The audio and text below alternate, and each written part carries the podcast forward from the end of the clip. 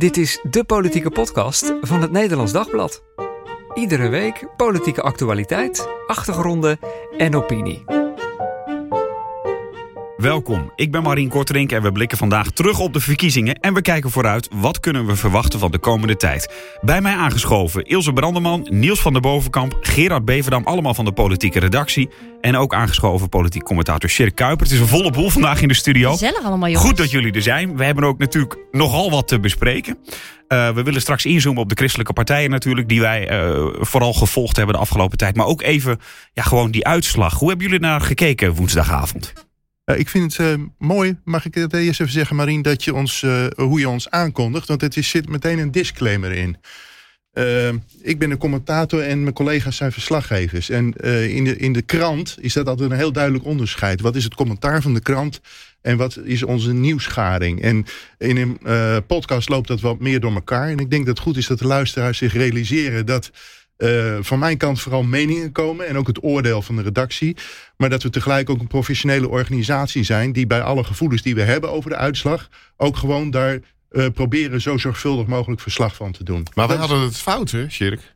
Ja, we, we Wij dachten dat de VVD toch nog de grootste zou worden. Ja, dat inderdaad. We hebben afgelopen dinsdag een uh, podcast opgenomen waarin we uh, ons hebben laten verleiden uiteindelijk tot de prognose. En toen dachten we nog dat de, PV, uh, dat de VVD de grootste is. Ja, ja ik heb er nog iets gezegd van uh, dat, de, dat de mensen waarschijnlijk met de portemonnee gaan stemmen. En dan uiteindelijk tot ja. de VVD de grootste maken. Ik denk wel dat de mensen met de portemonnee hebben gestemd. Maar, maar dat ze denken dat ze bij de PVV het beste en, uitkomen en, met de portemonnee. De PVV, ja. ja, ik denk eerlijk gezegd ook dat iedereen zich verkeken heeft op deze uitslag. Dat niemand dit heeft zien aankomen. Ik was bij NSC, de partij van Pieter Omtzigt. En daar zag je op het moment van de uitslag ook echt een soort schokgolf door de zaal heen ja, gaan. Oh, Open monden inderdaad. Oh, ja, ja. Viel even stilte van wat gebeurt hier jongens. En dat was denk ik wel heel symbolisch voor ja, hoe heel veel mensen deze uitslag ervaren hebben. Tegelijkertijd hoor je natuurlijk ook wel stemmen die zeggen van ja, hebben we allemaal zitten slapen. De, het sentiment wat de PVV verwoordt, dat is groter dan uh, wij dachten. Um, kijk, dat de PVV zo groot zou worden, dat is misschien onverwachts. Maar dat ze natuurlijk ja, nek aan nek. Of in ieder geval zouden strijden om de winst. Ja, ik heb veel mensen gesproken die zeiden... ik ben verbaasd over dat er zoveel verbazing is. Want er zijn gewoon heel veel mensen ontevreden. Ja. Dat horen ze in een omgeving. Ach, en dat dan... het, het heersende sentiment... wat, uh, wat nu dus kiezers uh, uiteindelijk bij de PVV heeft ondergebracht... is natuurlijk door andere partijen ook... hebben ook geprobeerd dat onder woorden te brengen. De VVD heeft het kabinet laten klappen en vervolgens campagne gevoerd op het onderwerp asiel. Uh, BBB heeft uh, 15.000 als uh, quotum genoemd. Uh, NSC noemde migratie een groot probleem. Dus iedereen heeft gedacht van dat onderwerp dat, dat kan bij allerlei andere partijen ook worden ondergebracht. En toch heeft de kiezer uiteindelijk, of hebben ja. kiezers, laten we niet vergeten, het is maar een kwart van de kiezers, maar toch een kwart van de kiezers heeft gedacht van er is maar eentje die echt is, radicaal ja, ja. is op dit onderwerp. En die zal ik eens even... Maar ik, ik denk dat we daar ook de invloed van de peilingen niet in moeten onderschatten. Want ja. ik, ik sprak bij NSC ook de nummer 2, Nicolien van Vroonhoven, even woensdagavond. En die zei ook van ja, wij hebben eigenlijk best wel een beetje uh, onderschat dat effect van die peilingen de laatste weken. Dat je inderdaad echt zag dat, dat, dat de PVV ja, op een gegeven moment uh, nou, ongeveer gelijk werd gepeild met andere partijen. En dat NSC langzaam maar zeker een beetje naar beneden ging. En, en dat zij echt het effect hebben gezien van, van die peilingen op mensen die dachten van nou, misschien moeten we nu toch ook wilde stemmen, de strategische stem. En zij zei van ja, de, een volgende keer willen wij er toch ook anders mee omgaan dan we nu hebben. En wat gedaan. je ook wel ziet is, is dat eigenlijk de trends die je op de laatste de peilingen ziet, dat je die versterkt in het stemhokje terugziet. Dus je zag eigenlijk dat, dat, dat omzicht toch nog wat lager uitkwam dan de peilingen. En dat de PVV veel hoger uitkwam. Maar ja, Den Haag is wel een shock hoor. Over ja, en, en, en, wat jij zegt, dat zou, die peilingen dat die een rol hebben gespeeld, kan zeker. Maar dus ook dat mensen. Het was niet dat mensen dachten, oeh, dit wordt wel spannend, dus ik ga het dan toch maar niet doen of zo. Maar juist nog versterkend van, ik wil dat heel graag, dus dan, dan ja, ik maar, kan dat nu realiseren. Ja, want je zag eerder, in de, bijvoorbeeld drie weken geleden, zag je dat in die peilingen bijvoorbeeld omzicht heel hoog scoorde. En dat heel veel mensen dus ook dachten van, nou, misschien moet ik dan inderdaad ook op hem stemmen. En toen hij naar beneden ging en de PVV omhoog, toen zijn ook steeds meer mensen gaan denken van, nou, misschien is dat inderdaad voor mij ook een goede ja. optie dan. Jij was bij het CDA, Ilse. Ik ben wel benieuwd hoe ze daar reageerden. Want die, zij kennen natuurlijk het samenwerken met de PVV nog. Uh, uit een kabinet, een gedoogconstructie. Ja, bij, de CDA, bij het CDA schrokken ze zich uh, rot. Um, de uh, sfeer was best wel gelaten. Hè. Ze hadden al helemaal ingecalculeerd. Wij gaan verliezen, wij gaan dik verliezen. En natuurlijk hoopten ze wel op nou ja, zes, zeven, acht zetels. Maar dat durfde ook eigenlijk niemand echt hardop uit te spreken. Ehm, nou, wat je zag toen dus bleek dat PVV echt heel dik eh, ging winnen. Toen zag je echt wel de, de verbazing op eh, alle gezichten. Het was ook echt helemaal stil. Dus eh, bij het CDA zijn ze zich uh, rot geschrokken, ja. Weet je, de afgelopen tijd zijn er nogal opiniemakers geweest... die hebben gezegd van, met CDA gaat het slecht... maar met de christendemocratie gaat het eigenlijk best goed. Want dan telden ze de stemmen voor BBB en NSC en CDA bij elkaar op... en dan zeiden ze nog nooit zo sterk geweest als ooit. Nou, wat hebben we nu gezien in uitslag? BBB, zeven zeteltjes. Vergeet niet, drie maanden geleden waren ze nog premierkandidaat en dergelijke. Uh, NSC toch ook een tegenvallende uitkomst. Hoe, hoe, hoezeer ze ook zullen jubelen om die 20 zetels. Het is een tegenvaller. En dan inderdaad het CDA met vijf zetels. De kiezer heeft ook op geen enkele wijze beloond. Hè? Dat, dat, dat, het is een ja, niemand is beloond bedoel je, geen enkele partij. Het is een chagrijnige uitslag. Uh, bedoel, je kunt zeggen van, van het CDA wat je wil. En ze hadden inderdaad een verlies ingecalculeerd. Maar ze hebben een goede campagne gedraaid met veel waardering voor Bontebal. Het deed helemaal niks. Maar ook door die eh, strategische stemmen waarschijnlijk. Ook strategische ja. stemmen, maar ook bijvoorbeeld bij BBB. Ik bedoel, daar, ik bedoel uh, Caroline verkoopt het als een enorme uh, verkiezingszege, maar de, die zullen toch ook chagrijnig zijn. Ja, alleen het verschil is natuurlijk dat um, ehm, BBB heeft ook heel veel media-aandacht gekregen, is daar ook niet altijd zo lekker uitgekomen. Je kunt natuurlijk nou, ook de vraag stellen, je kunt ook de vraag stellen, Geert Wilders hebben we eigenlijk als media natuurlijk genegeerd, eh, zo goed als. Weinig, tot, tot de laatste week zeg maar, weinig op televisie en zo ook uh, heel weinig in beeld geweest. Klopt. Ja, maar hallo, de PVV die wil ook nooit met journalisten praten. De PVV heeft er geen enkele behoefte aan. De nee, maar... exposure die de PVV nodig heeft is tijdens een debat uh, Wilders. Ik bedoel, er komen nu uh, 36 Kamerleden in de Kamer die mensen nauwelijks kennen. Nou ja, goed, ze kennen dan de, de top van de lijst, maar verder niet. maar, maar dat komt omdat Wilders gewoon keigoed uh, de, de toon weet te treffen in elk debat. Ja, en terugkijken kun je ook concluderen dat hij op de avond van de kabinetsval uh, zijn kans heeft geroken. Hij heeft die deur opengetrapt. Ja. Hoorde ik Floor Bremen gisteren zeggen, collega van RTL. En ik was daar wel mee eens. En hij heeft die deur ook open gehouden. En elke keer als mensen uh, zeiden van ja, maar kunnen we wel met jou uh, samenwerken? Dan zei hij ja, maar dat valt echt wel mee en ik wil overal over praten. Exact hij hieruit. En je, je refereert nu, want we hebben, die, die, we hebben net geconstateerd dat we iets verkeerd hebben voorzien. Maar dat hebben we toen goed voorzien. We hebben de krant toe geopend met recht ziet kansen. Geert Wilders ziet zijn kansen. Hij was de eerste die, uh, die commentaar kon geven. Die niet met wie dan ook hoeft te overleggen over wat hij zegt. Want hij is de alleenheerser. En hij zei, het is nu de tijd om over schaduwen heen te springen. Ja, laat, laten we niet vergeten dat Jessil Gus het ook heeft laten gebeuren allemaal. Hè. In welke mate, daar kun je over discussiëren. Nog, maar, maar zij heeft wel... laten gebeuren. Want Rutte is teruggetreden, heeft, uh, heeft de, de weg vrijgemaakt voor. Eh, Rutte was altijd de blokkade richting PVV. Rutte had een persoonlijke frustratie van, een van zijn eerste kabinet. Die was zo groot dat hij uh, misschien wel tegen de lijn van de, de, natuurlijke aanleg van de VVD zei van nooit meer met Wilders. Maar, maar, maar, die inschatting, hè, Sjerik, is dat misschien wel een van de grootste strategische blunders van de afgelopen jaren? Zo wordt het in ieder geval in sommige media ja, geduid. Hoe, hoe, hoe, zie jij dat? Nou ja, dan praten dus andere media na. Maar uh, uh, als je, zoals je het zo presenteert. Maar het is wel zo, ja. En ik, ja, ik, ik, ik weet niet of ik het daarmee eens ben. Nee. Het punt is namelijk, um, de VVD heeft het kabinet laten vallen op migratie. Ja.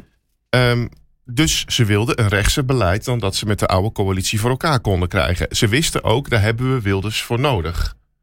Hoe hadden ze het anders willen organiseren? Alleen met BBB en NSC misschien. Nou ja, dat is dat, dat, dat die... Toen in de peilingen stond NSC er natuurlijk wel veel beter voor. Ja, maar dat VVD, NSC en BBB samen 75 zetels zouden halen... is dat ooit in beeld geweest? Volgens mij niet. Nou, maar ik denk wel dat je hebt gezien... doordat, we, doordat Jessel Gus die deur heeft opengezet... dat heel veel mensen ook hebben gedacht van... nou, dit is de kans ook voor Wilders... om misschien ook weer regeringsverantwoordelijkheid uh, te, te dragen... en daarmee dus invloed. En dat dat voor sommige mensen ook een reden is... om, om juist op hem te stemmen. Dat ik wil dat van, hij kan zijn plannen Ik wil dat wel eens zien. Ik denk dat de VVD heeft gedacht, als wij nou op migratie het kabinet laten vallen... en de mensen willen ook, tenminste een deel van het electoraat wil ook gewoon een, een strakke beleid... dan uh, gaan we dat organiseren en dan worden wij de grootste bij de volgende verkiezingen. Want ze dachten, nou, omzicht, dat, dat gaat vast niet uh, zo snel uh, vleugels krijgen. Dat is nog te vroeg voor hem. Nou, die heeft toch die partij uit de grond gestampt. het is allemaal anders gegaan dan dat ze gedacht hebben. En dat is in die zin een misrekening, maar ik denk wel dat de, de, de keuze om de deur naar Wilders open te zetten. die is op zich ook wel weer een logische. als je kijkt naar de wens. om niet om weer een migratiebeleid te voeren. weet je dan, we zitten nu dus Wilders eigenlijk maar op één punt te bespreken. Zijn asielstandpunt. En daar heeft hij, daarvan kun je in feite zeggen van Wilders is gewoon een, geradicaliseerde VVD'er. Dat hoor ik gisteren een, een hele brave burger zeggen van, uh, van ach ja, Wilders is ook gewoon alleen maar, uh, is een beetje... Maar mensen zijn, ze, er worden grapjes gemaakt over wat de VVD allemaal vergeten is. He, dat, dat Gus zegt van tijd voor nieuwe politiek en, en helemaal vergeten is wat er in 13 jaar Rutte is gebeurd. Maar mensen zijn vergeten wat Wilders allemaal nog meer heeft gezegd. Waar hij nog meer voor staat dan voor asielbeleid. Hij staat voor het verbieden van islam, voor een Koranverbod. Ik was er in 2009 bij toen hij in de Kamer begon over een kopvolle tax. Je moest duizend euro uh, belasting betalen om een hoofddoekje te mogen dragen. Er ging gewoon een siddering door Nederland. Dat, het dat iemand zo een bevolkingsgroep krenkte. Uh, uh, uh, hij, wilde uit, hij wil uit Europa. Hij wil de gulden weg. Uh, uh, hij, hij, wil de excuses voor de slavernij van de koning moet, moeten eigenlijk Sjerk, meteen teruggenomen worden. Sjerk, als het is dan... een opeenstapeling van radicale standpunten. En nu wordt er alleen gedaan alsof het over asiel gaat. En ach ja, dan is VVD, BBB, NSC of Wilders is lood om uit ijzer. Want ze maar, willen maar, allemaal de asiel ik, ik, snap, ik snap dat je dat punt maakt. Aan de andere kant kan je ook zeggen, dus alle andere partijen lukt het niet om die mensen te bereiken. Dat mensen er zo gruwelijk klaar mee zijn dat ze denken, ik kan me allemaal gestolen nee, worden. Het is niet om in de campagne duidelijk te maken dat het over meer dan asiel gaat. Dat het ook over Europa gaat. Dat wij in een internationale werkelijkheid staan. Maar dat uh, weten dat mensen misschien ook wel. premier komt wiens belangrijkste takenpakket bestaat uit een internationale verantwoordelijkheid. Dat lidmaatschap van de Europese Raad. En daar gaan we Wilders naartoe sturen. Ilse, jij wilde wat zeggen. Ja, ik wilde inbreken. Um, want dit punt, daar, dat zei Frans Timmermans gisteren natuurlijk ook. Hij is dan wel de tweede partij geworden met GroenLinks en PvdA. Maar die zei eigenlijk van ja, wat wil Wilders nou voor inhoud? En wie heeft hem daarop bevraagd? Ja. Want dat is natuurlijk wel uiteindelijk de vraag. Uh, ja, wat ik net ook al zei. Media hebben hem daar ook niet echt op bevraagd. Nee, uh, enerzijds is dat natuurlijk heel logisch. Um, maar anderzijds... En, en, en tegelijk... nooit weet hoe serieus hij die dingen meent. Het maar maar Sjerik, alles wat, je, wat jij net oplepelt ook. Ik bedoel, we zien nu wel een hele andere Wilders. Ik bedoel, of dat nou geloofwaardig is of niet. Al die dingen die jij net opnoemde, die, die kunnen in, in, in principe gewoon in de, in de papierbak. Want als Wilders echt regeringsverantwoordelijkheid wil gaan nemen, heeft hij ook al gezegd van nou, dan zullen jullie een andere Wilders gaan zien. Wilders heeft de Kamer een nepparlement genoemd. Wilders heeft de rechtsstaat. Nee, ik, ik, ik wil, Wilders heeft gesuggereerd dat de hele rechtspraak door D66 Ik wil ni niks afdoen aan al zijn uitspraken. Geweest? Is dat Natuurlijk allemaal niet. overdrijving geweest? Is dat allemaal alleen maar aandacht trekken geweest? Natuurlijk niet, daar wil ik ook niks aan afdoen. Maar je moet tegelijk wel constateren dat Wilders in ieder geval heeft gezegd... Uh, nou, dat hij zich anders gaat opstellen nu. En kijk, de vraag is natuurlijk hoe geloofwaardig dat is. En ja, of je hem daar inderdaad... Uh, ja, de, of dat ook daadwerkelijk in de praktijk zo gaat zijn. Maar feit is wel dat hij dat zelf heeft aangegeven. En dat wij moeten afwachten wat daarvan ja, gaat komen in de praktijk. Vandaag schrijven we van... Wilders moet nu door een deradicaliseringsprogramma heen. He, dat is de, uh, de grap. Vroeger werd altijd gesuggereerd van extreme islamisten... Die kunnen, die kunnen deradicaliseren.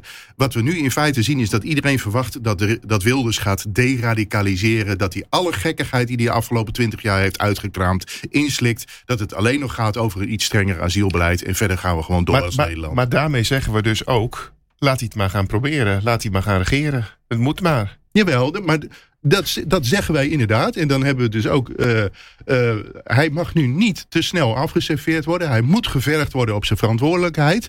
Uh, tegelijk, het is nooit een uitgemaakte zaak geweest... dat de grootste partij ook de regeringsverantwoordelijkheid kreeg. Toen Wilders voor het eerst mocht stemmen als 19-jarige... werd Den Uyl veruit de grootste met 47 zetels. En er kwam een CDA-VVD-kabinet. En Wilders heeft daarbij staan juichen.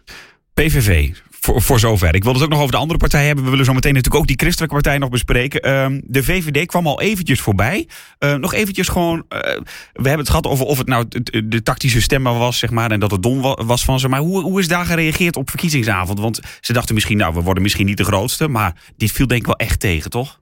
Dit viel rauw op hun dak. Ze zijn teleurgesteld. En Dylan Jezelgus heeft natuurlijk ook gezegd... ja, dit is voor ons gewoon verliezen. Heeft zij het dan ook gewoon slecht gedaan? De opvolger van. Nee, eerst dachten we natuurlijk van, we moeten ook niet te veel verwachten. De VVD, nieuwe, nieuwe leider. Nou, dat zal... ik, ik denk dat het al heel ergens al best wel knap was inderdaad met zo'n leiderschapswissel. Dat ze een hele tijd in ieder geval nog bij zijn gebleven. Je ziet natuurlijk vaak dat ja, bij, bij zo'n wissel van leiderschap dat dat zetels kost. Zeker als de zittende premier dan uh, uh, vertrekt, in dit geval Mark Rutte. Um, nou, zij, zij heeft to, toch lange tijd nog meegedaan. En tegelijk moet je wel constateren dat ze denk ik ook een campagne heeft gedraaid die waar niet heel erg duidelijk is geworden wat zij nou precies wil met Nederland. En die vooral ook nou, reactief was, bijvoorbeeld op Pieter uh, Omtzigt, uh, die lange tijd de campagne heeft gedomineerd. En ik vond daarin uh, haar niet altijd even overtuigend als het gaat om de inhoud. Wat ik me ook afvraag, ook naar de VVD-campagne kijkend en naar de rol van de media, hebben wij en heeft een groot deel van de politiek wel in de gaten wat er echt leeft onder toch een behoorlijk deel van de bevolking. En hebben we misschien ook wel goed, hebben we wel goed door dat het met een deel uh, toch slecht gaat. Maar wat zegt dat over Dylan Jezelgus? Nou, bijvoorbeeld dat zij een campagne voerde waarin ze bijvoorbeeld zei: uh, ik zal nooit accepteren dat mensen die hard werken dat ze in, in armoede leven of dat ze niet rond kunnen komen. Maar hoe geloofwaardig ben je op dat punt als je 13 jaar regeringsverantwoordelijkheid heeft gedragen, hebt gedragen? Ik denk dat dat omgekeerd ook in het nadeel, die campagne van de VVD ook in hun nadeel heeft gewerkt. Want uh, Wilders is natuurlijk, laten we niet vergeten, inderdaad, behalve op migratie, is, is die ook op punt van bestaanszekerheid er heel hard ingevlogen. En heeft hij bijvoorbeeld tegen Timmermans uh, gezegd van ja, in, in dat beruchte SBS-debat van uh, je staat hier wel mooi te praten met je 15.000 euro wachtgeld per maand, maar je hebt het contact met de werkelijkheid totaal verloren. En ik denk dat dat soort dingen, dat beklijft gewoon echt bij mensen die zich niet gehoord voelen. Die denken van, uh, die weer een veel hogere zorgpremie krijgen voorgeschoten. Uh, dat kregen we allemaal twee weken geleden. En ik denk dat dat gewoon wordt onderschat.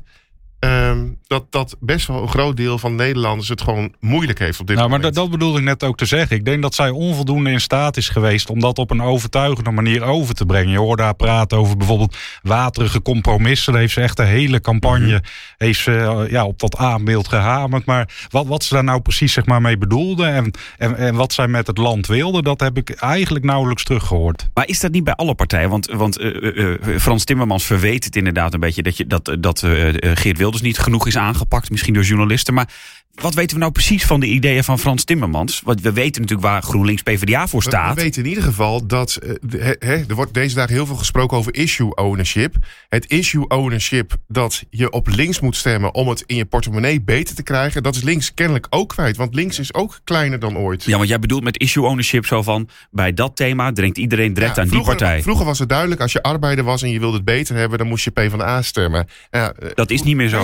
Of Nee. mensen denken in ieder geval dat het niet meer zo is. Nee, het is een slagveld op links. PvdA GroenLinks hebben, hebben acht zeteltjes, geloof ik. Hè? Dat zeg ik even uit mijn hoofd gewonnen. En uh, voor de rest is, is het allemaal kleiner geworden. Alles Maar- op links. En tegelijk hè, de, de mythe dat, PV, dat PVV eh, economisch gezien links is. Dat is eigenlijk op een heel smal basisje gebaseerd. Dat, dat is dan eh, als het over de zorg gaat met name. Eigen risico afschaffen Eigen risico. Maar als het gaat over minimumloon, als het gaat over, eh, over belastingregime, heeft de PVV helemaal niets te bieden. Sterker nog, ze hebben gewoon helemaal niks op papier. Het zijn onderwerpen waar, waar ze nog nooit eh, iets, iets over hebben, hebben ingebracht of zo. Het is, het, het is een, een suggestie van wij staan voor de arme Nederlander. En de realiteit is dat de veruit de meeste arme Nederlanders, en dan heb ik met name over arme gezinnen, dat zijn mensen met een migratieachtergrond, dat zijn mensen eh, die als statushouder met nul cent hier eh, eh, van niks moeten opbouwen. Dus ook dat, vergeet niet de toeslagenaffaire. Waar ging dat over? Dat ging over mensen die grotendeels een buitenlandse achternaam hadden en daarom gespot werden door de Belastingdienst. Dus mensen die door, door, door de Belastingdienst en door allerlei omstandigheden aan de onderkant van de samenleving zitten. Dat zijn over het algemeen de mensen die tegelijk door de PVV eh, eh, en door de hele sfeer die de PVV eh, gecreëerd heeft worden uitgekotst. Ik denk dat de mensen die het slecht hebben van een komende coalitie, een rechtse coalitie, niks te verwachten hebben. Ik, ik geloof vast niet dat, Nee. we, dat we gaan zien, hè, die, die PvdA GroenLinks agenda, die zeiden van nou, we, we willen toch vermogenswaarde gaan belasten en inkomen minder. Nou, inkomen minder zie ik nog wel gebeuren, maar eh, ik denk dat het mensen met vermogen, dat die allemaal denken van nou, dat gaat allemaal niet zo vaart lopen. Ik zit helemaal in de reflecterende rol eh, deze podcast. Maar ik, dit is het laatste wat ik er nog over ga zeggen. We hoorden natuurlijk aan het begin. eh, nou, we hebben er zin in. Deze campagne wordt echt inhoudelijk. En Ja. nu merk je ook wel een beetje langzamerhand. Was die nou echt zo inhoudelijk? Hebben we nou echt zoveel nieuwe, goede dingen gehoord? Nieuwe dan? plannen?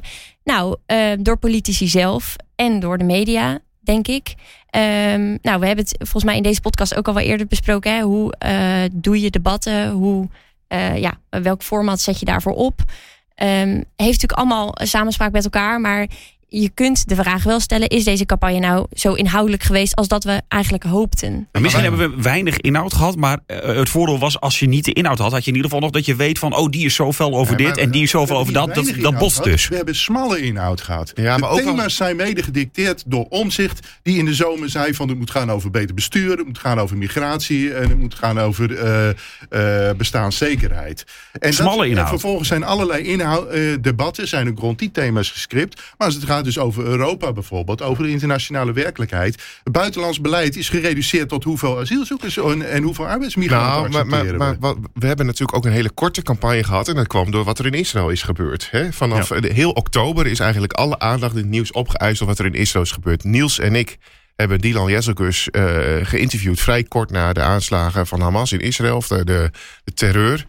En eh, dat interview ging ook voor een groot deel daarover. Wij, wij dachten, en, en, en ik denk dat ze bij de VVD dat ook dachten... en de verschillende andere partijen... dat, dat de campagne daar misschien wel door dat thema beheerst zou gaan worden...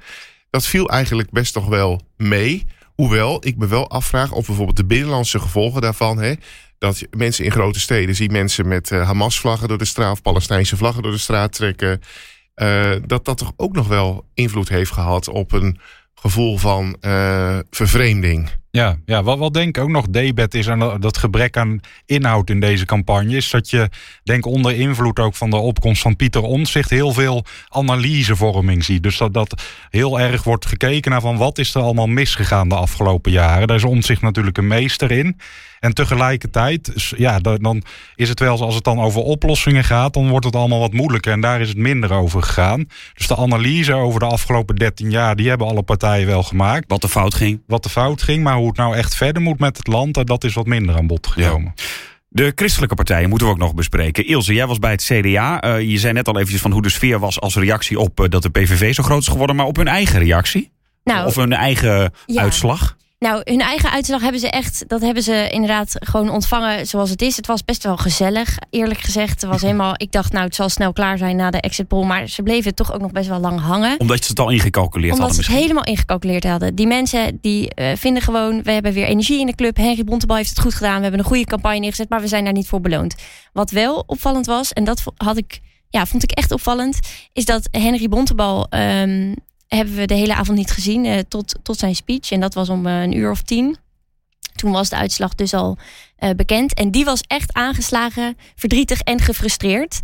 Ehm, maar dat was ook gelijk de enige die ik zo aangeslagen, gefrustreerd en verdrietig zag eigenlijk. Maar dat is toch mooi dat die man gewoon oprecht is. Dat hij niet, dat hij niet eh, inderdaad in een soort, eh, hè, zoals dat altijd in campagne ziet van... eh, oké, we gaan geslagen, maar we gaan er weer voor of zo. Dat Ja. hij gewoon ook durft uit te drukken van... eh, Ik baal er toch van. een landleven. Hij zegt het over zichzelf, maar ik denk ook dat hij daarin wel gelijk heeft. Wat je ziet is wat je krijgt. Dat, dat is wel een beetje wat Bontebal is. Hij was gefrustreerd over zijn eigen verlies. Hij had hard, hard gewerkt. Hij had tot de avond voor de verkiezingen volgehouden. Jongens, wij gaan verrassen. Let maar op. Dat is uiteindelijk niet gebeurd. In de zetelpeilingen stonden ze op vier. Dat zijn er uiteindelijk vijf geworden. Ehm, hij was ook gefrustreerd over de grote winst van PVV. Ik... ehm, ja, daar, daar was hij echt emotioneel over. In die zin echt gefrustreerd. En natuurlijk ook over de winst van NSC, Pieter Omtzigt, oud CDA. Ja, dat, dat komt rauw op je dak. Ik denk dat hij al, ja, daar zit frustratie. Hij heeft al zijn energie aan deze campagne gegeven. En ja, hij is daar uiteindelijk gewoon niet voor beloond. Ik denk dat het voor hem nog iets zuurder maakt. Dat je, waar we het net al over hebben, dat strategische stemmen. Dat mensen uiteindelijk toch voor de PVV zijn gegaan. Dat heeft het CDA ook gewoon stemmen gekost, waarschijnlijk. Denk dat is echt dus- dubbelzuur. Hij had liever eh, NSC 35 zetels gehad dan, eh, dan 35 PVV. Weet Ja. wat mij is opgevallen? Dat dinsdagavond bij het slotdebat... daar eh zette Omtzigt een beetje de aanval in op het CDA. Hè? En, en, en Ja. wreef Bontebal aan van... ja, vanuit jouw partij is geprobeerd mij te sensibiliseren. En ik zag daar op Twitter hele boze reacties over... van met name wat oudere... eh, ja, CDA-politici, Eh, bijvoorbeeld het, nog toch het eh, senator Madeleine van Torenburg, ook Mhm. een oud Tweede Kamerlid, nu in de Eerste Kamer. Die, die was woedend. Wat een laffe aanval in de rug van Pieter Omtzigt. En je ziet dus ook dat, dat er binnen het CDA, daar hoor je niet zo heel veel over. Maar daar zitten echt nog wel heel veel mensen die, die, die gaan op een gegeven moment ook nog wel een keer een boekje open doen, denk ik, van hoe zij tegen Pieter Ja, precies. En wat, je, en wat je ook hoort is natuurlijk van eh, dat NSC nu groot is. En dus wellicht dus met PVV moet gaan regeren. Dat je ook wel een beetje hoort van CDA'ers. Ja, heel veel succes ermee. Laat het maar gebeuren. We zijn heel benieuwd. Jullie hebben het CDA, tussen aanhalingstekens zeg ik even verlogend, zijn naar NSC gegaan. En nu uh, zie je wat, wat, je daarvan krijgt. Ja. Wat ik ook nog wel even wil zeggen, want dat vergeten we misschien een heel klein beetje. Maar wat het CDA natuurlijk heeft meegemaakt in deze afgelopen week, dat is natuurlijk historisch verlies. Ik bedoel, vijf zetels, dat is Ja. echt, echt heel Van erg 15 treurig. naar 5. Van 15 naar 5. En dat is natuurlijk heel lang veel meer geweest. Dus ze hebben gewoon echt 54 naar 5. dik verloren. Ja, maar jij noemde al even dat er ook een soort berusting eigenlijk was over dat verlies. En ik denk dat het er ook mee te maken heeft dat het een heel lang aangekondigd verlies ook al is. Hè? Dus dat het, dit zit er gewoon al maanden aan te komen, dit verlies. En nou, de, als een van de gevolgen daarvan is ook Wopke Hoekstra bijvoorbeeld vertrokken. En is er echt een nieuwe start gemaakt met, met, eh, ja, met Henry Bontebal. Dus ik denk Die dat is ook dat... echt gemaakt, die nieuwe start. Zeker, ja. Inderdaad weer terug echt naar de kernwaarden. Dus ik denk dat dat, dat dat ingecalculeerde verlies... dat dat ook al in al die maanden een beetje heeft doorgesudderd... waardoor die klap nu uiteindelijk ook niet heel verrassend was of zo. En dat die gewoon wordt gedragen. En dat nu ook, ja, ook gewoon al is begonnen met die nieuwe start Ja. onder En het is ook een zegen dat de generatie Bontebal, Boswijk, verder, dat die zelfs niet met om zich nog in één fractie hebben gezeten. Waardoor die bitterheid, die jij net schetst bij eh, Gerard, eh, van ja, maar je moest eens weten wat een bloed onder de nagels vandaan halende collega dat was. Die Ja. bitterheid is er bij het nieuwe Klopt, zij zeggen ook zelf van wij- wij zijn het nieuwe CDA en het oude CDA zit bij ons zich. Maar, maar daarover gesproken, hè, wij hebben natuurlijk ook best wel veel met de mensen van de NSC eh, contact gehad. Ik denk dat de belangrijkste troef die, eh, die om zich heeft binnengehaald, is misschien wel Eddie van Heijem. Toch een prominent oud Kamerlid voor het CDA, gedeputeerde geweest in Overijssel tot vrij recent. En die heeft tegen ons gezegd, ook in een verhaal wat we over de kandidatenlijst hebben geschreven, van ik, ik denk dat het de C, dat het, het christendemocratische merk, dat het gewoon is uitgewerkt. Eh, zien we dat bij deze verkiezing? Of, of denken wij toch nog eh, dat het een revival eh, kan beleven? Nou, dat is denk ik heel lastig te zeggen. Kijk, als je NSC eh, ook als een, een christendemocratische partij ziet, dan kun je denk ik moeilijk zeggen dat het is uitgewerkt. Want die hebben gewoon twintig zetels eh, vanuit het niks eh, winst geboekt. Eh, tegelijk zie je natuurlijk wel dat, ja, dat het originele CDA, inderdaad, dat geluid is nu wel even uitgedoofd. Maar, zoals de Pieter Jan Dijkman, de directeur van het Wetenschappelijk Instituut van het CDA, altijd zegt. Het CDA is al heel vaak doodverklaard, maar altijd eh, staat het weer op. Maar dan, als jij zegt van eh, NSC kunnen we toch zien als een soort christendemocratische partij, daar kunnen we trouwens nog heel lang over praten. Maar dan ben ik dus ook wel benieuwd hoe, zij, hoe juist zij zich gaan opstellen in deze formatie. Nou, Ja, ze en- hebben wel echt een sleutelrol hierin. Hè? Dat, dat is wel echt duidelijk. Dat zag je ook woensdagavond. Ik, ik was bij NSC op die uitslagenavond. Zag je dat ook al wel gelijk. Dat ook wel het besef was van ja, dat, dat zij waarschijnlijk nodig zijn om een, een, eh, ja, een kabinet te gaan vormen. Eh, ik, ik zag daar een soort mengeling ook bij die partij van enerzijds eh, grote vreugde over. Nou, de, toch wel de grote winst ook die de partij heeft geboekt. Tegelijk ook een soort opluchting, vooral bij omzicht, dat ze niet de allergrootste partij zijn geworden. We moeten denk ik ook niet vergeten ja, wat, wat die man de afgelopen jaren allemaal voor zijn kiezen heeft gekregen. En dat hij nou, bijvoorbeeld een burn-out heeft gehad, dat hij een vrouw heeft, eh, kinderen, waar hij mee in Enschede woont. Ik, ik kon me niet aan de indruk onttrekken dat hij ook enigszins opgelucht was dat hij niet vanuit het niets het premierschap eh, bijvoorbeeld eh, moest gaan bekleden. En tegelijk zag je ook nog een derde emotie, toch ook nog wel lichte teleurstelling over het feit dat nou ja, de afgelopen weken natuurlijk dat ze wekenlang bovenaan hebben gestaan in de peilingen en ook groter waren dan dat ze nu zijn geworden.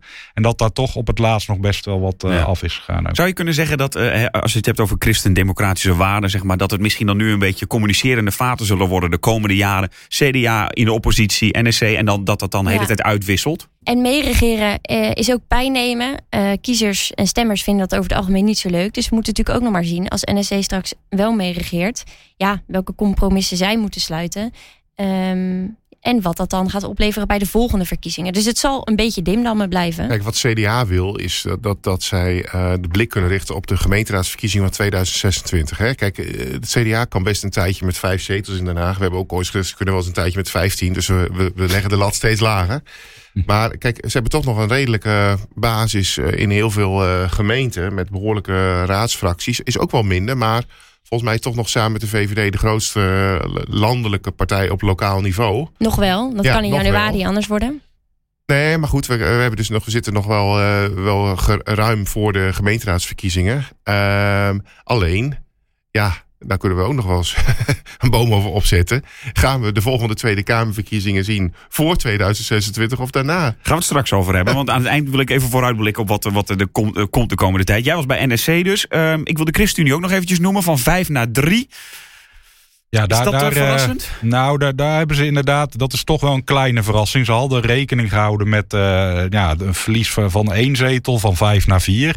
Dat, dat was al ingecalculeerd in de partij, maar de, de hoop bestond toch wel dat het daar ook bij zou blijven. En dat het naar drie zetels is gegaan nu, dat is echt wel een hele grote teleurstelling. Dat merk je aan alles was gisteren ook even bij de, de fractievergaderingen van de ChristenUnie. En daar zie je ook wel, nou ja, ook wel bedrukte gezichten. En de, de stemming daar is echt niet uh, zo goed als die wel eens geweest is.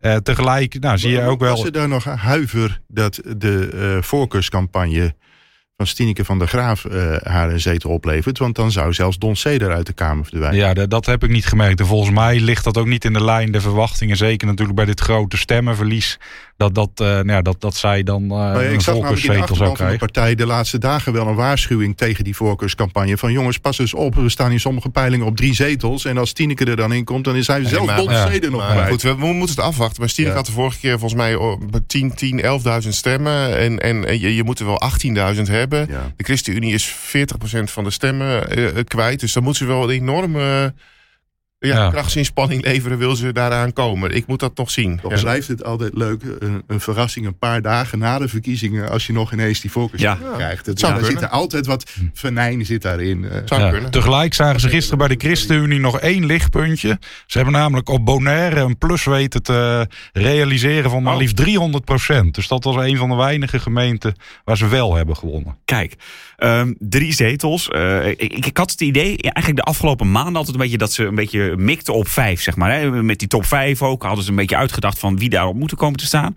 Dat valt dan nu wel een beetje in het water maar ook de ChristenUnie heeft hersteltijd gehad in het verleden. Hè? Ze zijn, ze zijn, uh, toen de partij fuseerde, hadden ze, uh, hadden ze in totaal uh, vijf zetels. GPV, RPF bedoel je? GPV, RPF. Toen gingen ze naar vier zetels in 2002.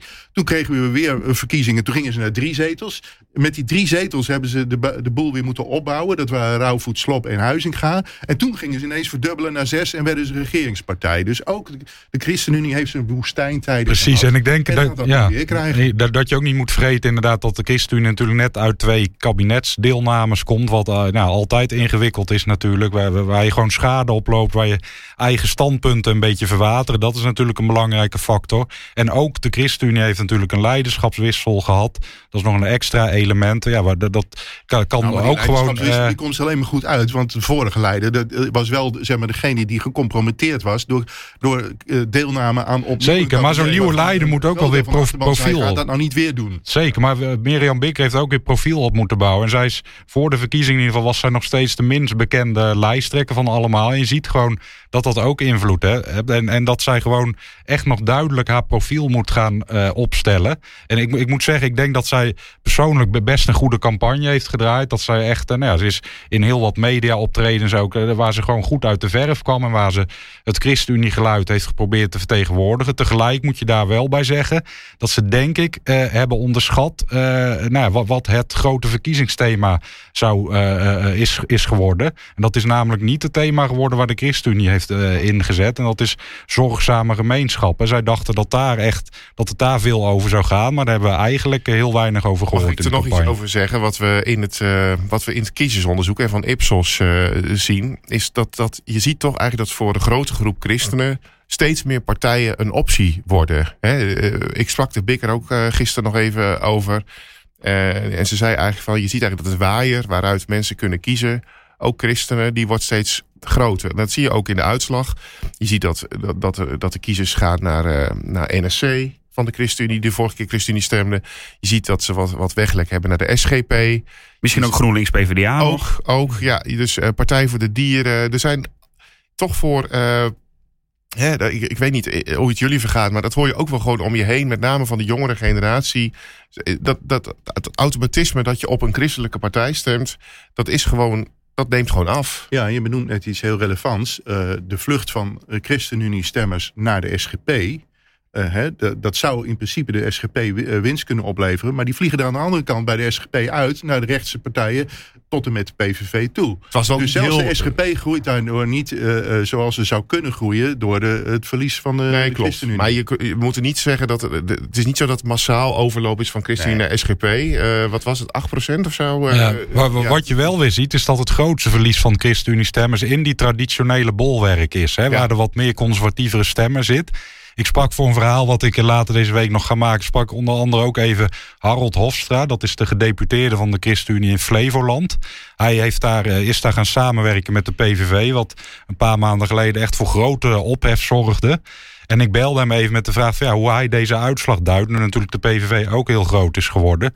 En ik legde hem onder andere de vraag voor van ja, zie jij hier, zeg maar, ziet u hier uw eigen gelijk in door uh, nou, dat, dat, misschien Nederland inderdaad uh, iets anders wil dan, dan misschien veel mensen ook binnen uw partij denken. En hij zei van nou ja, die vraag stellen is een beantwoorden. Ja, dat is ook wel een beetje makkelijk achteraf je gelijk halen. Maar goed, want je hebt ook nog met, met je principes te maken. Hè? Ik bedoel, uh, ik ga Harold Hofstra niet hier af. Nee, maar hij kan dat goed verenigen, zegt ja. hij zelf. Ja. ja. Um, de laatste christelijke partij is eigenlijk de enige die nou ja, gewonnen heeft, of in ieder geval gelijk blijft. De mannenbroeders ja. van de SGP. Die zijn op drie zetels uh, gebleven, heel stabiel. Zij, Zij hoopten hem... echt op vier. Zij hoopten echt op vier, ja. Um, ik ben er bij een paar avonden van hen geweest. En ze zijn natuurlijk altijd heel blij hè, met die drie. Maar wat me echt opviel is dat er toch optimisme was voor de vierde zetel. Ze hadden daar Natana op middelkoop opgezet, niet voor niks. Want ze wilden echt die vierde zetel halen. Ja, dat is iemand, uh, een jongere uh, ja. SGP. Uh, hij zat bij de jongeren van SGP en stond op vier. ja, komt hij van is Urk. wethouder op Urk en populair. Nou, die vierde zetel is niet, niet gelukt. Daar zijn ze wel een beetje teleurgesteld ehm, over. Maar ze zijn vooral natuurlijk dankbaar voor die drie zetels. Dankbaar is altijd het woord wat je daar hoort. En wat me echt opviel is um, dat 8% van de mensen die in 2021 op de SGP stemden nu voor PVV heeft gekozen. En dan zou je kunnen denken, nou 8%, wat is dat nou? Nou, de SGB, SGP-achterban is echt heel erg trouw. Mm -hmm. um, dus 8% is gewoon best wel veel. Um, en ik merkte ook in de partij dat daar toch wel dat ze dat toch zelf ook wel vonden. Dat het echt wel veel mensen zijn die dus naar de PVV zijn overgelopen. En dan kun je natuurlijk ook de vraag stellen: als die nou bij de SGP waren gebleven, hadden ze inderdaad misschien die vierde zetel nog gehad. Ja, en, en waar hebben ze dan, uh, de 8% gaat daar naartoe weg. Maar waar komen dan de mensen vandaan die ervoor gezorgd hebben dat ze steady zijn gebleven? Nou, dus ook wel een beetje de ChristenUnie onder andere. Ja, ja. Um, kunnen we concluderen dat die vierde zetel voor de SGP er gewoon niet in zit? Toch weet ik dat niet. Dat weet ik niet. Of zit hij er niet in zolang uh, als bijvoorbeeld PVV heel groot wordt... Dat, dat zij daar de dupe van zijn? Ze hebben best wel een beetje, toch wel een beetje geloerd... ook wel op die wat conservatieve rechtse stem. Hè? Met, met ook wat... Uh, ja, door toch, toch wel ook streng op migratie. Te, te zeggen van de migratie is te hoog. Uh... Nee, ben ik het eigenlijk niet, niet zo mee eens. Want um, ik denk dat ze, zij plussen elke keer licht. Kijk, het is, niet, het is niet veel, helemaal niet veel. En het is te weinig voor een vierde zetel. Maar het zou mij niet gaan verbazen als, um, als dat toch nog een keer een vierde zetel wordt. En ook hierbij speelt natuurlijk dat mensen ook gewoon strategisch zijn gaan stemmen. En in die zin zitten ze op een moeilijke plek ook. Omdat uh, inderdaad, wat, uh, als het gaat om uh, migratie aan die rechterkant... is het in die zin, als je nu naar de uitslag kijkt, natuurlijk heel druk. Ja. Met PVV, BBB, SGP, uh, Ja 21 zit daar allemaal in die hoek. Ja, de SGP dat klopt. zal alleen vier zetels halen als ze uh, een, met een lijsttrekker uh, komen die, die zeg maar, zo'n gunfactor buiten de christelijke achterban heeft, dat er niet-christelijke stemmers op de SGP gaan stemmen. Omdat ze zeggen, dat hebben we ooit gehad. ja, ik ben van de geschiedenis, dus vergeef me jongens. Maar, we gaan even de geschiedenis in, ja. had je Pieter Jongeling de eerste hoofdredacteur van onze krant. Laten wij met ere noemen hier. Die was tevens Kamerlid voor de GPV. Die was zo populair bij niet-christelijke... Bij, Godfried Bomans heeft hem geïnterviewd voor de nationale televisie. En je zag vervolgens dat de GPV tijdelijk naar twee zetels ging. Toen Jongeling uh, vertrokken was als lijsttrekker, was het ook weer over. Uh, Kees van der Staaij had dat effect misschien in zijn nadagen juist wel kunnen scoren. Maar goed, is vervangen door Christoffer, die dit weer opnieuw moet opbouwen. Dus het hangt er een beetje vanaf ja. of Christoffer de held van de niet-christelijke, maar wel conservatieve stemmen wordt. Die zegt van, uh, hè, hè, uh, weet je wat, die man geef ik ja. mijn steun. En wat me ook nog opviel is dat ik uh, partijvoorzitter Dick van Meeuwen ook nog sprak. En die zei ook van dat ze daar dus op de, in de campagne ook op hebben ingezet. Die conservatieve stemmen die niet zozeer principieel bijbels willen stemmen, maar dus wel heel conservatief zijn. Dat ze die eigenlijk eigenlijk ook binnen wilde harken. Ja. En dat dat dus eigenlijk onvoldoende is gelukt. Maar kijk, je zou kunnen zeggen eh, teleurstelling omdat ze gelijk zijn gebleven. Als je ziet Nee. hoe, hoeveel de verliezen, eh, dat ze een nieuwe leider hebben gekregen die inderdaad misschien nog moet werken aan zijn naam. Dan kan je ook zeggen van dan is het netjes dat Ja. je eh, de zetels behoudt. Zo zeggen zij dat ook. En zij zijn gewoon heel blij met die derde zetel. Dus die teleurstelling is niet eh, heel diep gevoeld. Maar de SGP had natuurlijk een, dankbaar. de SGP Dankbaar, had ja. natuurlijk een, een probleem. Eh, Ik bedoel, twee heel ervaren parlementariërs, Kees van der Staaij voorop, maar ook Roelof Bisschop, die vertrekken. Dus eh, dachten ze, ja, we moeten toch wat continuïteit aanbrengen. En halen ze Diederik van Dijk. We moeten niet vergeten, die is nu senator, maar die is eerder al jarenlang eigenlijk de rechterhand geweest als medewerker van Kees van der Staaij. Dus die kent het Tweede Kamerbedrijf heel goed. Tegelijkertijd vraag ik me wel af, nu de SGP op drie zetels blijft. Hè, als we kijken naar hoe het met Van der Staaij is gegaan in zijn carrière, was het voor de SGP denk ik heel interessant geweest om dit moment Nathanael Middelkoop in de Kamer te krijgen. Omdat dat een soort. Ja, ik bedoel, ik, ik, heb, hem, ik heb hem één keer ontmoet. eh, jij vaker, denk ik, Ilse. Ik denk wel dat het iemand is die, ja, als hij het gewoon eh, onder de knie krijgt, het parlementaire werk, best wel uit zou kunnen groeien tot een, eh, tot een SGP-gezicht. Met ook wel de potentie om een bredere groep kiezers aan te spreken dan het alleen maar het SGP-publiek. Want het is een, een domineeszoon van christelijk gereformeerde huizen. Ik vind het eigenlijk wel jammer dat hij niet naar, eh, nu naar de Kamer komt. En wat ook zeer relevant is, in de campagnetijd is er natuurlijk wel eens zicht op geweest dat zij gewoon nodig zouden moeten zijn voor een rechtse coalitie. Eh, dat is bij de huidige uitslag is het, eh, is het echt niet nodig om de 75 zetels eh, te halen met drie eh, SGP'ers erbij. In de Eerste Kamer Dus worden ze dan misschien nog belangrijk. hen ook wel weer tot een minder relevante factor. Ter- Terwijl ze dat natuurlijk 13 jaar geleden bij de vorming van het kabinet, eerste gedoogkabinet met Wilders wel eh, het geval was. Ja. Ja, de En- Eerste Kamer is een heel apart verhaal. Als we daar Ja, beginnen, ja, dat gaan we een andere keer nog doen. Ja. En wat je ook nog merkt is dat zij helemaal niet zo heel verdrietig zijn over die winst van de PVV.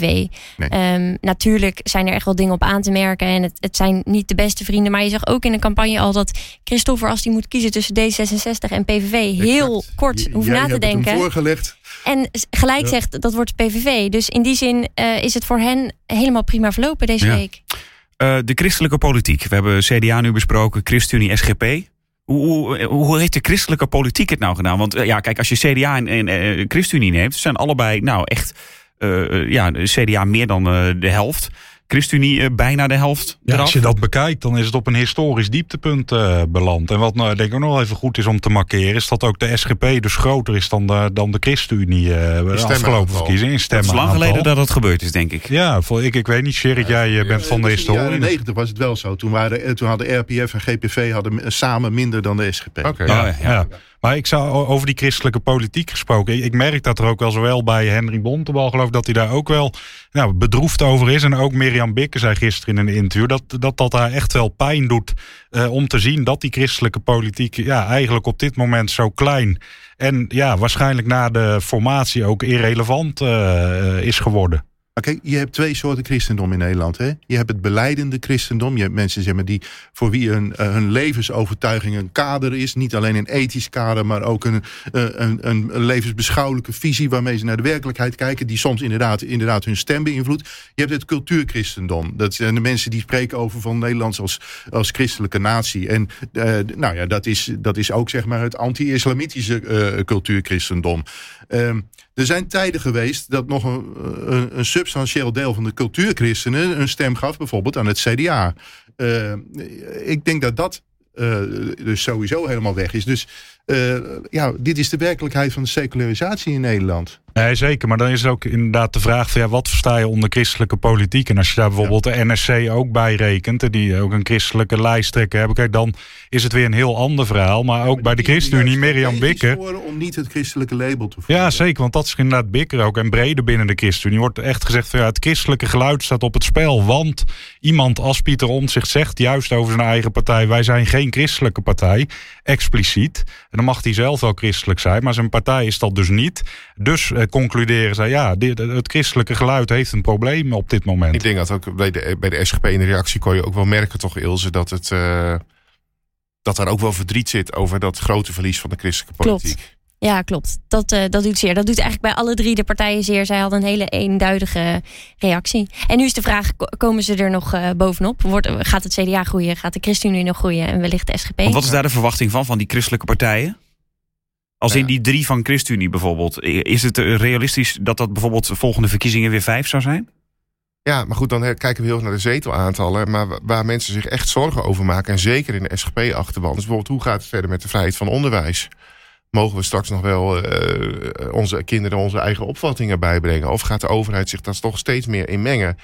Ja, daar kun je lang en breed over praten. Maar dat is in die kring echt wel een, een, een hele eh, ja, wezenlijke angst. En dan noem je zo'n punt, hè?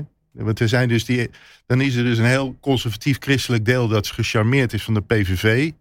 En dan zie je in de stemwijzer een, eh, de vraag van... moet de overheid strenger toezien op wat er in kerken en moskeeën aan jongeren geleerd wordt? En dan zegt de PVV, die stelt vooraan, die roept ja, met de, met de PvdA en dergelijke. Oftewel, als je het hebt over vrijheid van godsdienst... waar ook de eh, reformatorische christenen zeg maar, eh, op moeten kunnen bouwen... dan is dat bij de PVV gewoon niet zeker. Maar weet je hoe dat komt? Reformatorische christenen die denken, ja, eh, Geert Wilders die heeft het inderdaad over moslims en eh, de Koran en moskeeën verbieden, maar dat geldt niet voor ons. Die godsdienstvrijheid wil hij alleen voor die groep uitsluiten. En ik denk dat ze het daar ten diepste wel mee eens zijn. Ik denk dat ze denken van hij zegt voor de vorm dat hij het overal eh, meer toezicht wil. Maar uiteindelijk zal hij in de praktijk alleen maar bedoelen, alleen maar als het om, om, om moslims gaat. Ik belde gisteren een vrouw en die had SGP gestemd en die is nu voor de PVV gegaan en die zei precies hetzelfde. Wat Wilders zegt is grootspraak. Dat kan hij helemaal niet alleen doen. Hij kan niet aan de godsdienstvrijheid tornen. Dat is wat ze geloven van de En ze PVV. realiseert zich niet dat als de kop van de tax van Wilders ooit werkelijkheid was geworden, dat ook haar hoedje op zondag eronder had gevallen. Dat realiseert ze zich niet, nee. Exact. Ehm, we gaan het hebben over de fase na de verkiezingen. En het laatste nieuws, wij nemen, dat is goed om te zeggen, de podcast nemen we altijd op op eh, vrijdagochtend, eh, nou, eh, rond half tien, half elf. Het laatste nieuws wat, wat via de NOS binnenkomt, is dat de VVD-fractievoorzitter Jezielkes heeft gezegd, de VVD gaat niet in het kabinet. Jessel Gus heeft, heeft gezegd eh, dat ze wel een centrumrechtskabinet wil steunen als gedoogpartner. Dus, eh, Ja, maar het gaat dus eh, niet in het kabinet, maar inderdaad, dan zou het gedogen Nee, worden. maar ze ja. hebben dus bij de VVD... eh, hè, ze hebben gisteren, waren, wa- was ik even bij hun fractievergadering... en daar zei Jezelgus eerst van... nou ja, alle mensen die kritiek hebben op hun strategische keus... die, zijn, die hebben ongelijk, want daarmee onderschat je de zorgen van gewone mensen. Toen de fractievergadering was afgelopen, zei ze... er is sprake van een nieuwe werkelijkheid... maar wilde ze nog niet zeggen of ze er wel of niet instappen. Kennelijk is er gisteravond druk beraad geweest... en is er dit uitgekomen van... de VVD gaat gewoon niet in het kabinet stappen... en zegt gewoon van... Nou, we willen wel eventueel rechtsbeleid steunen... Ehm, vanwege het zetelverlies eh, zeggen ze dat. Ja, ik vind het nog wel. Ik moet er even over nadenken. Ah, na zes maanden worstelen doen ze een zegersje. En dan Ja, bedoel je... eh, sorry, dit is een manier om in ieder geval duidelijk te maken van dit wordt geen soepele eh, eh, formatie. Eerst moeten alle onmogelijkheden worden onderzocht. Moet het land en dan, en dan krijg je de vraag op een gegeven moment of er nieuwe verkiezingen moeten komen of dat iemand toch door de pomp moet en iets moet doen waarvan ze eerder hebben gezegd. Ergens nee, is het ook wel ironisch dat de VVD dus nu in een rol kruipt die eigenlijk de PVV in 2012 bekleedde. Namelijk in, dat die, in die Jongens, gedoogconstructie. ik, ik, ik het zit erover na te denken. En, en volgens mij kunnen we zien wat hier gebeurt. Wat, wat de VVD doet, is, is calculeren. Ze denken van we sturen aan op een kabinet van Wilders, NSC en BBB. Drie partijen met nul regeringservaring. En we gaan ervan uit dat het snel klapt. En dat de kiezer dan alsnog voor de VVD zal En zo kiezen. is het in het verleden altijd gegaan na een, hele grote leiderschapswisseling. Na Wim Kok was het land in totale verwarring. Hebben we 87 dagen een kabinet met de LPF gehad. Eh, tien jaar later eh, was het land in totale verwarring. Toen Balkenende vertrokken was, hebben we anderhalf jaar een kabinet met PVV gehad. En dat is wat we nu ook gewoon tegemoet gaan. Dit, dit, we gaan niet een situatie van een kabinet van vier jaar tegemoet. We gaan een chaos tegemoet. Eh, Is iedereen het daarover eens hier? Ja, weet je, het gaat altijd anders dan dat je denkt. Dat heb ik inmiddels ook wel Ja, maar geleerd. chaos, eh, we, we zijn heerlijk aan het speculeren. En eh, Ja. ik zou ook maar een disclaimer meegeven. Hè. We kunnen de toekomst niet voorspellen. Nee. Maar een chaos, dat zal het in ieder geval worden. Ik bedoel, Of onrustig. Chaos. Is het al. Ja. ja Wat bedoel je daar dan mee? Eh, Definieer even het woord chaos in deze context dan. Nou ja, wie gaat met wie regeren? Wat moeten ze daarvoor eh, weggeven? Hoe gaat dat eruit zien? Er zijn misschien wel inderdaad allemaal partijen die helemaal niet weten, ja, die daar geen ervaring mee hebben. Hoe gaat dat eruit zien? we één stukje chaos even heel duidelijk markeren. We hebben nu twee winnende partijen, NSC en PVV, die radicaal van elkaar verschillen. De ene partij heeft twintig jaar lang ongrondwettelijke eh, voorstellen gedaan. En de andere partij zegt: de eerste prioriteit is een grondwettelijk hof dat alle wetgeving eh, aan de grondwet gaat toetsen. En dat dat dan samen zou de moeten. chaos groter zijn? Ik moet terugdenken aan de grap van Mark Rutte. Wat zei hij ook alweer precies? Die speculeerde ervoor uh, een hele tijd terug al op dat hij nog heel lang premier zal blijven van dit land. We gaan het zien. Het zijn interessante tijden in ieder geval. Dank uh, mensen dat jullie er uh, deze week wilden zijn. En volgende week, ja, wie weet wat er dan... Ja, Vonden jullie dit een succes met z'n vijven? Dan gaan we het gewoon elke week Hartstikke doen. leuk dat jullie er met z'n allen waren. En wie wordt uh, verkenner? Dat ben ik, ben ik ook wel heel benieuwd Ja, want er naar, ging dus een soort fake nieuws rond dat Ja. Kees van der Staaij dat zou zijn. Maar dat, Ja. Geert Wilders heeft zelf gezegd, nee, dat, eh, dat is niet zo. Ik heb hem geappt en hij zei, daar ga ik niet via jou over speculeren. Kees van der Staaij heb jij geappt, bedoel je? Ja, jammer. We gaan het uh, volgende week bespreken, denk ik. Want dat weten we vanmiddag, hè? Op vrijdagmiddag uh, wordt dat bekend. Want volgens mij komt half elf de Kamer bij elkaar. Ja, en uh, we gaan volgende week zien dat de kiesraad de officiële uitslag gaat vaststellen. En die week erop gaan we op 5 december met Sinterklaas gaan we afscheid nemen van de oude Kamer. En op 6 december wordt de nieuwe Tweede Kamer beëdigd. En voorkeursstemmen, wanneer weten ja, we dat? Worden, als de kiesraad uh, volgende week de uitslag vaststelt, dan weten we ook hoeveel voorkeurstemmen er zijn uitgebracht. Ook volgende week weer genoeg te bespreken. Dank voor deze week. Dit was de Politieke Podcast. Vergeet niet een recensie achter te laten, want dat maakt het voor anderen ook weer makkelijker om deze podcast te vinden. En als je op deze podcast abonneert in je favoriete podcast-app, dan verschijnen we iedere week vanzelf in je podcast-app. Tot volgende week.